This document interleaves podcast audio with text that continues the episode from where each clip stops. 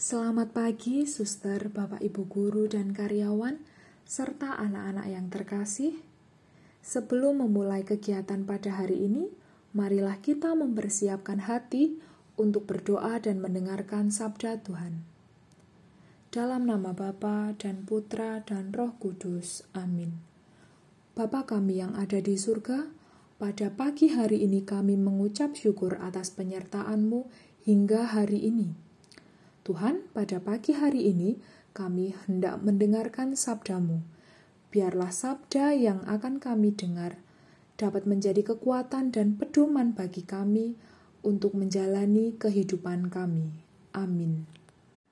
Inilah Injil suci menurut Matius. Dimuliakanlah Tuhan.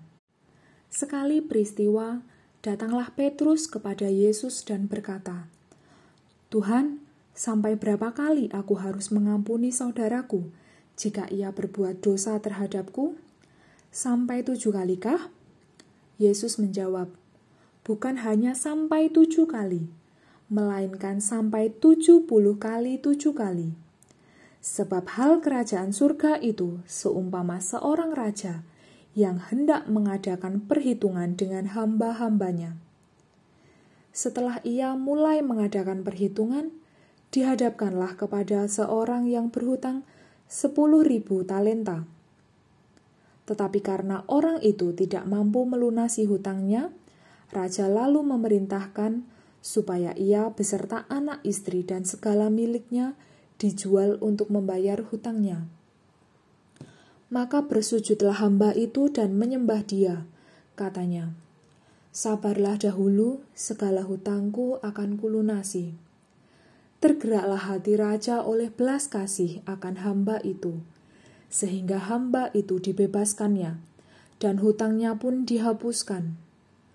Tetapi ketika hamba itu keluar, ia bertemu dengan seorang hamba lain yang berhutang seratus dinar kepadanya. Kawan itu segera ditangkap dan dicekik katanya, Bayarlah hutangmu. Maka sujudlah kawan itu dan meminta kepadanya, Sabarlah dahulu, hutang itu akan kulunasi. Tetapi ia menolak dan menyerahkan kawannya ke dalam penjara sampai semua hutang ia lunasi. Melihat itu, kawan-kawannya yang lain sangat sedih, lalu menyampaikan segala yang terjadi kepada tuan mereka.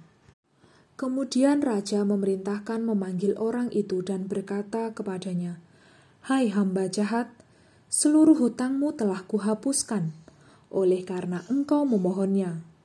Bukankah engkau pun harus mengasihi kawanmu seperti aku telah mengasihi engkau?